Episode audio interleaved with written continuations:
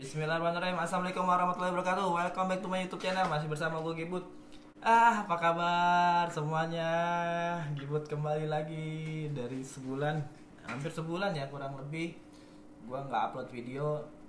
Dan Ini gue baru upload kembali. Tulisannya sudah banyak sih sebenarnya Tapi gue orangnya kadang-kadang kalau lagi males ya nggak kepengen gitu.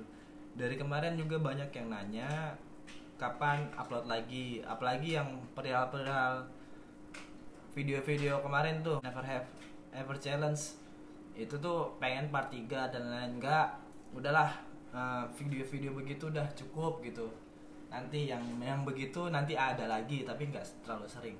Kali ini gue akan mencoba memberikan alasan. Memberikan alasan kenapa gue selalu sharing ke teman-teman dan gue selalu nulis habis itu gua baca habis itu gua nangkep keresahannya kalian dan gua paparkan melalui video.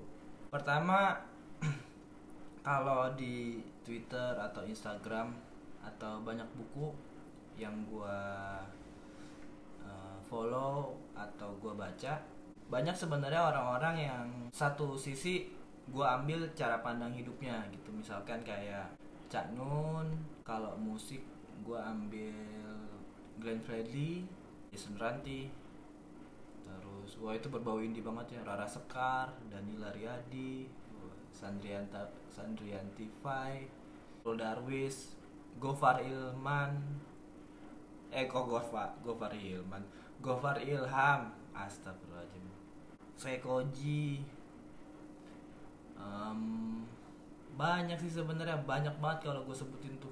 Yang memang kadang-kadang cara pandangnya gue pakai di di kehidupan gue gitu. Baik yang jadi kalau gue kayak kayak punya dimensi gitu. Kalau musik gue kiblatnya ke siapa? Kalau urusan religius gue kiblatnya ke siapa? Urusan permekian atau lain-lain gue kiblatnya ke siapa?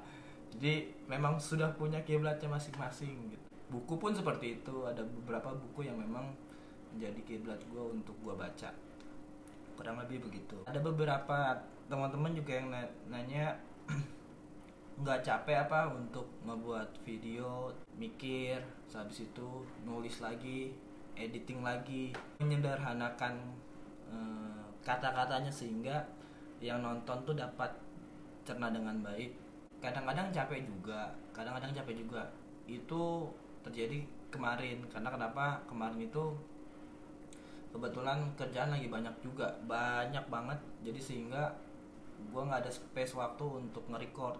Karena nulis sih udah nulis tuh udah. Tapi ketika gue nulis itu gue harus menyederhanakan pola tulisan gue sehingga nanti pada saat di record di video orang yang menonton tuh masuk gitu. Kadang-kadang kan kalau gue referensi kebanyakan dari buku gitu artikel. Yang secara teori itu bahasanya rada berat. Kadang gue harus mikir dua kali sampai dengan tiga kali sehingga ketemu polanya nah baru gue record. Itu agak susah gitu. Makanya kalau yang bilang bikin konten itu gampang ya coba dulu aja gitu. Se segampang apa sih? Kalau buat gue cukup sulit dan sangat sangat sulit. Buat konten tuh sulit men asli. Lu satu deh buat konten. Apa pun ya tentang apa pun gitu. Yang berbau jangan yang mikir-mikir dulu deh yang biasa aja. Kalau yang biasa kan cuma uh, misalkan traveling gitu. Traveling cuma video video video video. Itu pun susah karena apa? Editing. Habis itu ada suara harus bagus nggak ada suara masuk yang lain nggak ada suara noise noise dan lain-lain. Vlog sesimpel itu aja sebenarnya susah kalau buat konten. Apalagi konten-kontennya kayak konten-konten begini. Yang gue harus mencerdaskan orang-orang alay kayak lu. Dibilang capek ya capek tapi kadang-kadang capeknya itu itu kayak bikin malu gue sendiri. Kemarin itu sebenarnya gue udah malas lagi untuk nulis itu karena kerjaan gue udah menumpuk banyak banget. Gue malas nulis tapi di saat itu kayak gue mikir orang-orang yang gue follow tadi kayak Cak Nun, Glenn Freddy dan lain-lain tadi yang gue sebutin begitu banyak yang gue jadikan kiblat atau cara pola pikir yang dia pakai dan gue ambil beberapa kadang-kadang gue malu sama mereka. Mereka yang secara daily activity lebih sibuk daripada gue tapi mereka konsisten ngasih uh, karyanya untuk orang baik bentuknya karya apa pun ya. Musikkah uh, dakwah atau tulisan atau hmm, apa pun pekerjaannya yang memang itu mengimpact untuk orang lain mereka konsisten. Dan di situ ketika gua nggak konsisten kayak kemarin capek gitu males nulis dan males nge-record kayak malu sendiri gitu orang yang gue idolakan aja yang sibuknya super duper sibuk itu masih bisa berkarya gitu. Dibandingkan gue yang kroco artis bukan apa pun bukan tapi udah males buat karya gitu. Nah itu yang kadang-kadang ngepecut gue sehingga kadang-kadang gue malu sama diri gue sendiri ketika gue udah males-malesan perihal karya buat orang lain. Setelah muncul channel pertama kali itu banyak kritikan masuk. Sebenarnya sebelum channel pun gue sering aktif di medsos.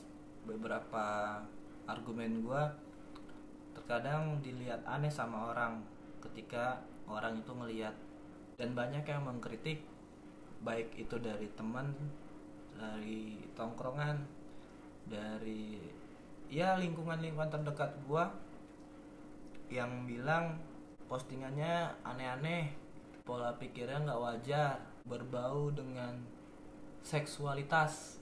Tidak mencontohkan yang baik. Yang pada intinya kritikannya itu berkonotasikan negatif. Yang gue lihat ya dan gue dengar sendiri. Tapi buat gue itu nggak berpengaruh sedikit pun gitu. Ketika ada orang mengkritik kayak gimana ya kayak nggak pernah wah anjingnya orang nih ngekritik gue nih gitu. Susah orangnya buat dendam tuh. Gue selalu menghargai perbedaan pendapat. Orang mau bilang konten gue tidak berbobot ya sah juga. Mau orang mengambil konten gua ini bermanfaat katanya sah juga. Jadi nggak ada hal penghalang yang harus gue dendam ke mereka sampai yang mengkritiknya uh, lebih parah gitu. Itu ada sampai yang membicarakan di grup itu grup. Ternyata di grup itu ada pembicaraan gue gue juga tahu dari kawan gue tapi malah kawan gue yang marah bukan gue gitu. Gue jadi dapat kabar katanya di beberapa grup uh, uh, teman-teman ya teman. Uh, punya punya grup atau apalah gue nggak ngerti. Terus gue dikabarin but ini lu diomongin nih gitu. Oh iya. Gue cuma kayak gitu doang. Terus tapi lu jangan marah ya kawan gue bilang gitu nge DM kenapa harus marah? gitu. Ya mereka berhak aja untuk ngomong apa pun gue bilang. Enggak soalnya ini pada nggak kayak punya otak gitu. Lah sementara lu nggak ganggu hidup mereka kenapa mereka membicarakan lu gitu? Terus gue cuma bales ya sudah nggak apa-apa gitu. Ya emang kenapa? Kalau orang membicarakan gue emang kenapa? Mau membicarakan hal baik pun hal negatif pun nggak ada halangan untuk gue menstop mereka untuk berbicara kan nggak bisa. Tapi malah lucunya temen gue itu yang marah-marah gitu. Buat gue ya udah jangan marah biasa aja. Gitu. kalau biasa aja sih di ini ya gimana emang emang sudah seharusnya kayak gitu gitu. Menerima menerima perbedaan pendapat ya jangan baper-baper banget kalau kalau gue emang susah gitu susah menerima kritikan yang pedas negatif dan kadang-kadang terlalu keras tapi gue masukin hati gitu. Enggak juga. Tapi malah itu buat bahan gue untuk introspeksi. Mungkin ada benarnya ketika kritikan itu datang gitu ke gue. Gitu. Jadi gue nggak yang selalu ngurusin orang-orang yang kayak gitu hak hak haknya mereka nggak apa-apa. Toh ketemu juga biasa aja. Ada orang yang membicarakan gue pada saat ketemu ya biasa aja. Jadi nggak ada yang harus di diambil hati terus dendam itu. Bukan tipikal gue kayak gitu. Karena sah-sah aja lah berpendapat tentang gue mah. Yang paling lucu komentar yang wah Gian mah nggak patut dicontoh. Kerjanya cuma ngomong kasar membicarakan hal-hal yang berbau seksual. Ya hidupnya bukan jadi panutan gitu bukan jadi cowok panutan gitu. Nggak apa-apa juga nggak ada masalahnya. Ada yang nanya lo nggak takut apa hidup dengan pola kayak gini nggak takut sama sekali. Gue nggak pernah takut kehilangan seorang teman atau apa pun. Bahkan kehilangan seorang yang gue sayang pun seperti orang tua nggak takut-takut banget. Karena ya itu bukan milik gua. Itu udah ada yang miliki mau diambil kapan pun ya silakan gitu. jadi nggak ada masalahnya. Kadang gue mikir orang yang mengkritik itu yang begitu banyak orang mengkritik itu dan membicarakan gua nyatanya nggak melakukan apa pun buat orang lain. Itu kadang-kadang yang gua agak tidak respect. Dia membicarakan gua tapi dia tidak do something buat orang lain. Apa pun ya apa pun caranya dan caranya dia tidak melakukan apa pun. Dan dia komen gue pang pang pang pang pang pang gitu. Pas gue cross check nggak ngelakuin apa-apa buat orang lain gitu. Jadi uh, rada kasihan juga. Kebanyakan bicara tapi tidak ada karya agak miris. Tapi gue memaklumi kalian yang seperti itu karena spesies alay berarti masih banyak. Jadi tugas gue semakin berat karena generasi nyinyirnya masih banyak. Generasi yang tidak mendahulukan logika itu masih banyak. Generasi yang kebanyakan bicara tapi aksinya nggak ada ya itu masih banyak. Cukup berat tugasnya untuk mencerdaskan mereka-mereka. Tapi semoga mereka cepat sadar melihat video ini. Anjing sepenting ini videonya. Enggak ya aku doakan yang alay-alay tadi cepat sadar bahwa hidup ya jadi manusia semanusianya aja. Kalau kata Marcella di bukunya NKCTHI manusia ya jadi manusia aja. Cukup tidak lebih tidak kurang. Lu kadang lihat nggak? Um, postingan-postingan gue yang kadang-kadang malam jam berapa gitu jam setengah 12 jam 11 itu datang wa abang mau nanya bang udah tidur belum? Bang mau telepon dan lain-lain. Itu sering gue sharing ke kalian kan. Dan sampai detik ini pun masih sama. Masih sering orang bercerita. Alhamdulillahnya ya percaya gitu. Orang bercerita tentang apa pun pekerjaan terus pertemanan pacar gebetan selingkuhan. Ya macam-macam sih banyak yang cukup sulit. Cukup sulit karena mau tidak mau gue kayak ada sesuatu hal yang mengharuskan gue untuk dia menjadi lebih baik setelah curhat sama gue gitu atau setelah diskusi sama gue itu kan jadi beban gitu ya. Orang mau tidur malam-malam. Ya WA Ntar kalau WA nanti ada lagi telepon. Setiap hari gitu aja. Setiap hari pasti ada aja yang nanya. Nggak pernah nggak ada. Kalau nggak percaya nanti gue masukin orangnya yang tahu bener-bener aktivitas gue selama satu hari itu di di handphone gue itu udah nggak tahu dah. Harus digimanakan apalagi di DM DM IG macam-macam nanyanya. Yang sebenarnya porsiannya gue belum pada tempatnya. Kayak misalkan curhat perihal sehabis menikah eh, rumah tangganya tidak baik gitu. padahal kan gue belum menikah tuh curhatnya ke gue itu satu terus kedua kadang-kadang mau lamaran nih amin 4 atau amin 5 lamaran muncul keraguan tuh dari pihak cowoknya atau ceweknya macam-macam case nya cerita bang gue kayak gini kenapa ya? Terus dianya kayak gini padahal udah hamil 4 mau lamaran gitu.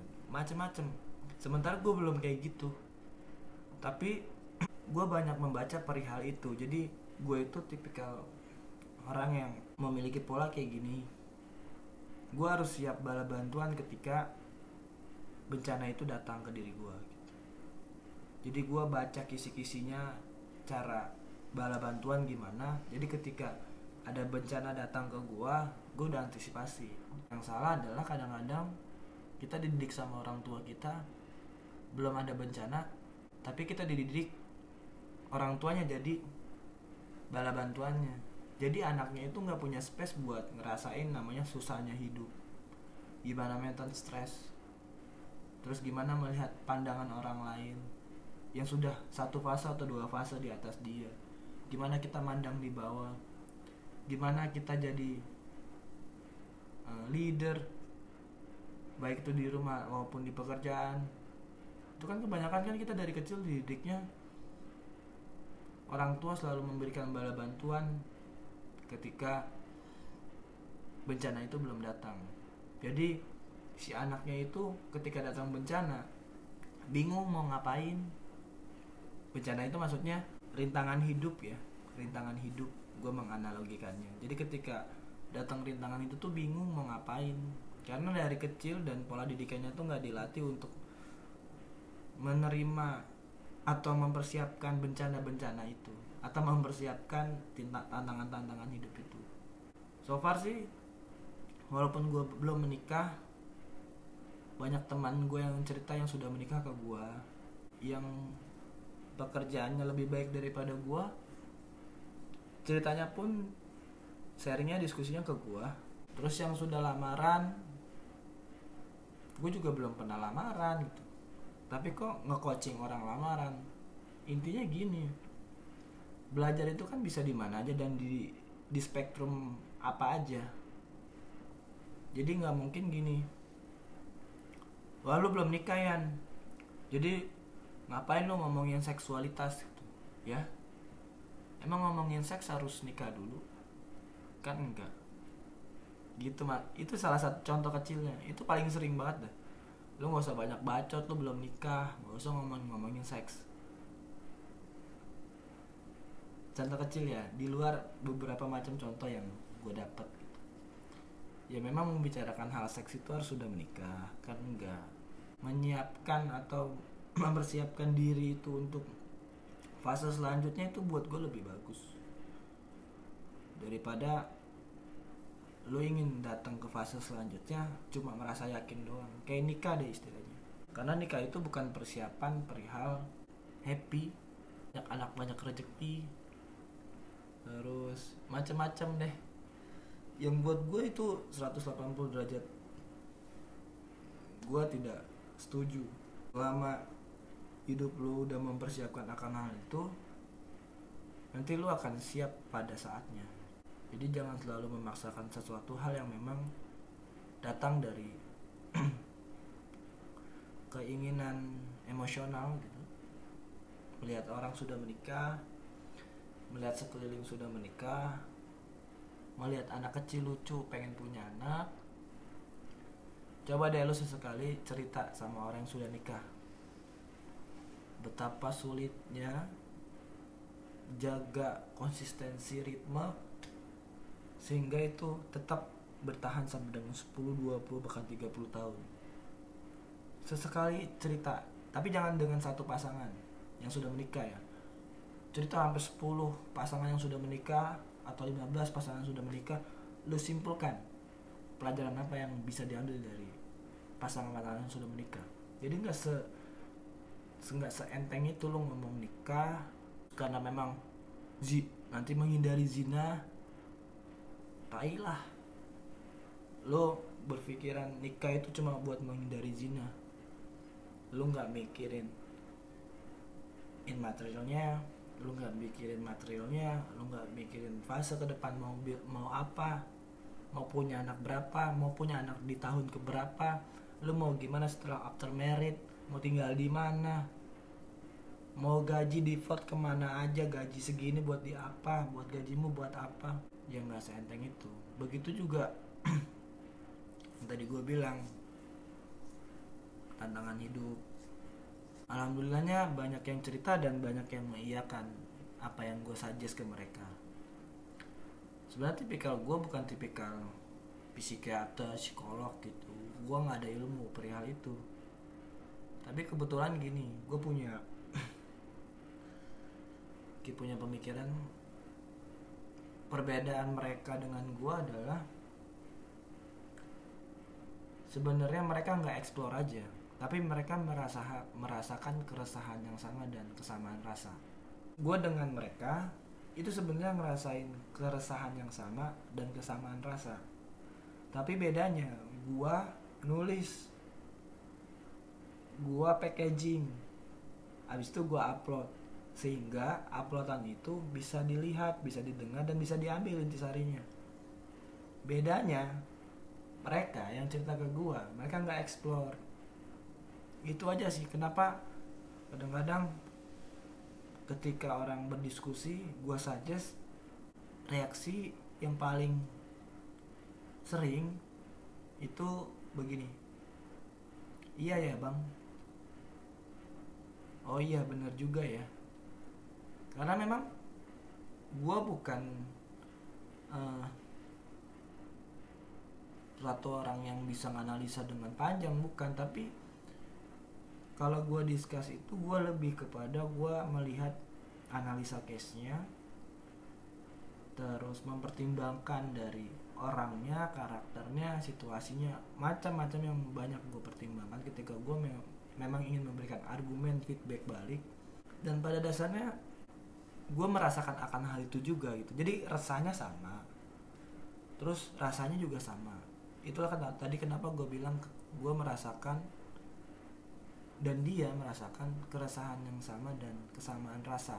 Bedanya dia nggak diekspor gue diekspor. Bedanya dia nggak pernah ngomong di depan kamera gue di depan kamera. Bedanya dia nggak mau menginfluencer orang gue mau dengan beberapa risiko. Gitu aja bedanya. Nah ini dari kesekian beberapa alasan kenapa gue sering sharing dan kenapa gue masih sering berdiskusi dengan orang banyak yang intinya sebenarnya mereka memiliki impian-impian bagus gitu. memiliki tujuan-tujuan yang bagus memiliki keinginan-keinginan yang bagus tapi hanya saja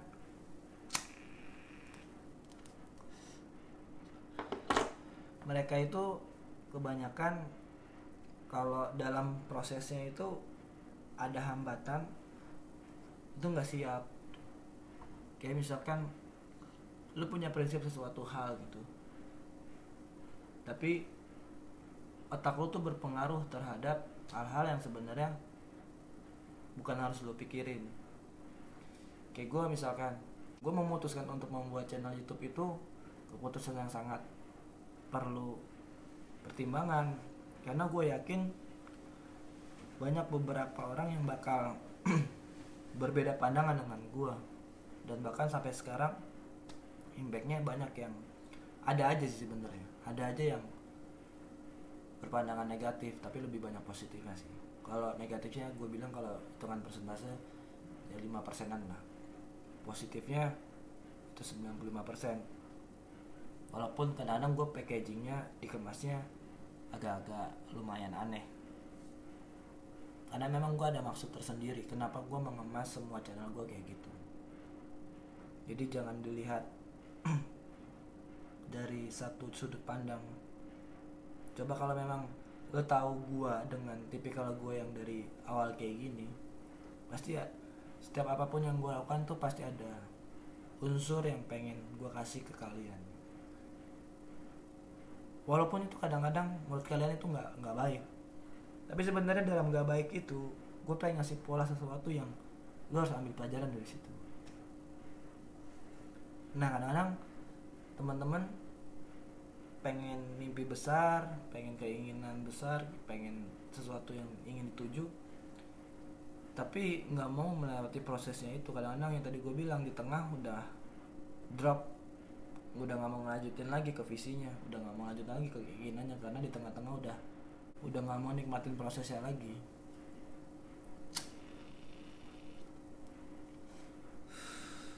Nah banyak orang mau ke titik sini dari bawah sini tapi dia dalam proses ini kan mau naik tuh. Nah di tengah-tengah kadang-kadang berhenti sendiri gara-gara omongan orang diledeki dicaci maki dikomentarin negatif apa pun ada hambatan dari luar yang ngebuat tadinya udah di sini tinggal dikit lagi dia turun lagi gitu. Dan dia nggak enjoy menikmati proses apa yang dia pengen. Sebenarnya hidup ya polanya gitu-gitu aja. Lo pengen apa lo nikmatin prosesnya. Lo nggak dikasih ya tetap bersyukur. Dikasih lebih bersyukur. Gitu-gitu aja. Punya keinginan lagi. Ingin satu udah kecapai punya keinginan lagi ya ayo jalan. Nanti ada hambatan lagi di tengah-tengah. Ya ajar aja nggak usah. Nggak usah kaget. Ya memang pola hidupnya kayak gitu-gitu aja sih. Nggak ada yang wah. Bentar-bentar ngeluh capek ngeluh galau ngeluh putus asa. Everybody want to be successful but nobody want to put the work in banyak orang yang mau sukses tapi nggak mau menikmati dari proses kesuksesnya tersebut. Itu banyak banget yang gue dengar dan datang sendiri ke gue bukan satu orang sampai dengan dua orang udah banyak. Nah serunya ketika habis diskus kayak gitu after setelah itu dapat kabar. Kabarnya baik kadang-kadang mereka merasa lebih better mereka merasa lebih baik lebih mm, punya sesuatu hal yang harus dilakukan. Jadi kadang-kadang lo lihat channel gue deh yang nonton itu kan paling sedikit viewersnya 160 itu udah paling dikit. Ya jangan sampai 160 deh 120 misalkan. Misalkan serat jangan 100 orang 100 orang biar genap biar gampang. 100 orang itu jangan lo anggap itu hanya viewers aja. Kalau gua ngebayangin 100 orang itu itu ada depan gua gitu. Jadi gua mikirnya misalkan ada satu channel gua ditonton 100 viewers gue kayak ngomong di sebuah gedung dan gue ngomong di 100 orang itu apalagi channel gue yang ditonton sampai 600-700 viewers. Gue kayak ada kebanggaan sendiri walaupun bukan AdSense yang gue incer dari channel YouTube gue itulah kenapa gue nggak pernah di akhir video gue apa pun itu terus ketika gue mempromosikan video gue baru launching gitu gue nggak pernah nulis sedikit pun. Ayo di subscribe ayo di komen ayo di like. Kalau buat gue biarin aja gitu. biarin aja. Mereka akan mensubscribe gue sendiri ketika mereka memang menganggap video ini ada manfaatnya di diri dia. Jadi lu nggak usah menuntut orang untuk meminta respect lu. Ya bang kalau nggak gitu ya nanti subscribernya segitu-segitu aja. Like-nya segitu aja komennya segitu-segitu aja. Dan lo nggak bakalan dapat adsense dari situ. Banyak sih yang ngomong kayak gitu tapi balik lagi dari awal gue bikin channel YouTube gue nggak ngincer adsense. Nggak ngincer like nggak ngincer komen nggak ngincer subscribe. Lu mau di channel gue dislike sampai 100 like nya cuma satu ya nggak apa-apa. Nggak ada masalah. Di komentarnya nyinyir nyinyir negatif negatif ya nggak apa-apa. Subscriber cuma beberapa puluh. Ya nggak apa-apa nggak ngaruh juga. Gue tetap tetap nulis tetap ngebaca tetap sharing tetap diskusi sama orang keresahan orang gue tulis gue buat video gue kasih impact buat orang sehingga yang nonton gue upload nggak akan mempengaruhi konsisten gue untuk berkarya nggak akan. Karena gue nggak peduli. Karya ya berkarya aja. Nggak selalu berharap dari karya itu nimbulin apa gitu. Impact maksudnya lu mengkonsepkan hidup lu tuh ketika lu ngasih lu harus dapat balasan. Buat gue tuh konsep yang salah. Ya lu konsep sedekah aja. Ngasih nih ya udah. Jangan lu pikirin lu lu kayak menuntut sedekah gitu di gue sedekah biar Tuhan baik sama gue ya buat gue ya lu ngapain hidup kayak gitu? Lu sedekah sedekah aja lu berkarya berkarya aja lu ngimpact buat orang apa pun caranya kecil atau besar lakuin. Nggak usah nggak usah nunggu balas imbalan Tuhan bakalan ngebaikin lu orang bakalan ngebaikin lu. Nggak usah dipikirin itu mah. Itu mah udah ada porsiannya masing-masing. Yang manusia itu nggak bakal bisa gitu. Dan nggak bakal bisa ngira. Bukan kapabilitas manusia sampai ke situ. Berbuat baik ya berbuat baik aja. Misalkan dari 100 itu dari 100 viewers itu ada satu orang yang tiba-tiba bang makasih ya. Uh, eh, gue inget betul video lo yang tentang ini tuh masih terngiang di gue dan gue pakai sampai sekarang. Itu satu orang. Lo bayangin dari video lu dari video nih lo bisa ngejangkau teman lo yang jauh di sana. Dan kebetulan memang pas banget butuh itu butuh suntikan itu dan dia dapat. Dan akhirnya bilang terima kasih melalui DM dan lain-lain. Satu orang berpengaruh dalam hidup lu. Gue bilang dari your life meaningful. Hidup lu tuh bermakna gitu. Walaupun cuma satu orang kalau hidup lu udah bisa bermakna buat satu orang berarti buat gue hidup lu tuh udah berhasil. Walaupun itu satu orang ya kuantitinya ya. Gue nggak melihat itunya. Tapi lu gue gue lebih melihat diri itu udah bisa ngimpact buat orang gitu. Itu udah luar biasa banget dan cukup sulit. Sulit sulit banget. Balik lagi pada dasarnya ya lu hidup mau ngapain kalau nggak buat orang juga buat diri sendiri mau ngejar uang lu meninggal mau dikubur uang ngejar apaan? Ya hidup buat ngalahin orang banyak apa pun cara lu. Sudah itu saja video kali ini. Itulah kenapa beberapa alasan gue masih tetap sharing dan masih tetap aktif di media sosial dan platform-platform mana pun baik bentuk tulisan dan lain-lain. Itulah kenapa alasan besarnya kenapa gue harus tetap berkarya buat orang melalui cara gue sendiri.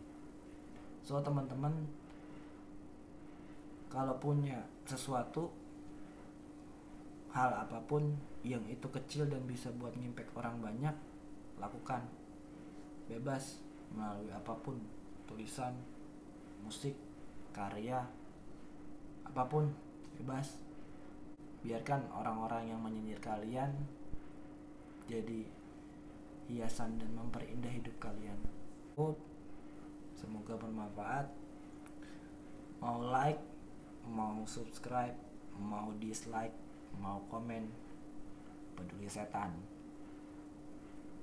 Masa bodoh terima kasih. Wassalamualaikum warahmatullahi wabarakatuh